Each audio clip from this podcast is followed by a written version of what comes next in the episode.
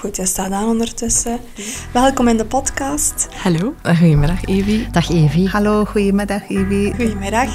Ik ga beginnen met te vragen, buikgevoel, wat roept dat bij jou op? Met buikgevoel denk ik aan een... Oh, gevoel, sorry, ja, ja, sorry, ja. De term buikgevoel spreekt mij aan als in hoe moeilijk dat ik het soms vind om mijn eigen buikgevoel te volgen. Buikgevoel, met een W, kan leiden denk ik tot een onrustig buikgevoel. Zeker in deze maatschappij waar dat ik toch vaak schrik heb om beoordeeld of ja, veroordeeld te worden. Bij buikgewoel denken de meeste mensen waarschijnlijk aan de bewegingen van de kinderen tijdens de zwangerschap. Nu, als gynaecoloog-verloskundige denk ik vooral aan de ongemakken, de pijn die eventueel gepaard gaat met de menstruele cyclus. Buikgewoel met een W? Met de W, ja. Ja, ik associeer daar onmiddellijk een bolleke wol mee, dat het zo'n beetje in de war is. oké. Maar het, het, het voelt ook wel hoopvol, omdat je kunt die een draad ook ontwarren. Ja. Ehm, dus ja, dat associeer ik daarmee. Zijn er nog andere dingen?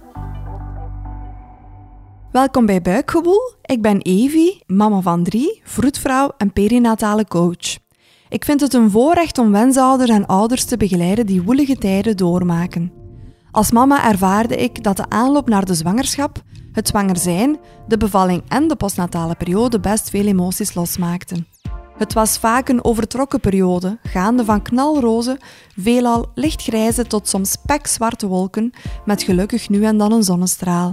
In deze podcast laat ik wensouders en ouders aan het woord die hun ervaringen delen. Ze brengen stuk voor stuk eerlijke en kwetsbare verhalen en proberen mede taboes te doorbreken, zodat we het scala aan emoties kunnen normaliseren. Hopelijk voelen de verhalen als een zacht tekentje aan voor wie het nodig heeft. Daarnaast nodig ik professionals uit de geboortezorg uit. Door deze gesprekken hoop ik dat jullie net zoals ik zullen bijleren. Ik koester de hoop dat we voor onszelf en onze dierbaren liever worden doorheen de perinatale periode. Zeker wanneer de wolken eerder 40 tinten grijs worden. Ik ben blij dat je de weg gevonden hebt naar deze podcast die ik in juli lanceer. Abonneer je zeker zodat je geen afleveringen mist. Tot binnenkort!